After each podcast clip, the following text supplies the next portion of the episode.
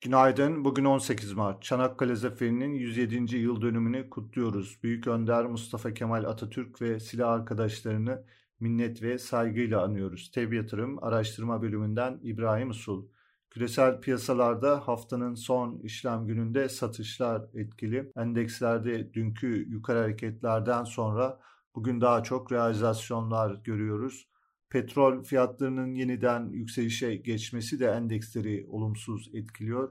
Brent tipi petrol 107 dolar sınırına yükseldi. Hafta ortasında 95 dolar seviyesine kadar gerilemişti. Amerikan endekslerinde vadeli tarafta bu sabah satıcılı bir seyir etkili. Japonya Merkez Bankası beklenildiği gibi faizleri değiştirmedi. Çin'de son iki gündür hızlı yükselen teknoloji hisseleri bu sabah satıcılı. Asya borsaları güne genelde negatif tarafta başlıyor. Avrupa borsalarında bugün güne satıcılı bir başlangıç yapması bekleniyor. Rusya-Ukrayna konusunda gerginliği azaltmak için görüşmeler sürüyor. Henüz anlaşma yok ancak bir barış planının oluşturulduğuna yönelik haberler var.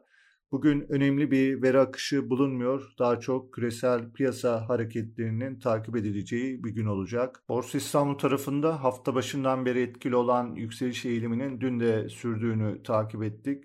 BIST endeksi günü kısa vade için önemli dirençlerden biri olarak izlediğimiz 2100 seviyesinin üzerinde tamamladı. Bugün piyasanın güne hafif aşağıda başlayacağını düşünüyoruz. Endekste 2100 seviyesine bugün destek olarak bakılabilir. Diğer önemli bir destek 2060 seviyesinde. İlk direnç 2150 seviyesinde bulunuyor. Endekste 2100 seviyesinin üzerinde hareketin sürmesi durumunda teknik bazda kısa vadeli hedef 2250 seviyesi olacaktır. Hisse tarafında Vestel Elektronik'te kısa vadeli yukarı hareket sürüyor. Hisse fiyatı dün 200 günlük hareketli ortalama seviyesinin üzerine çıktı.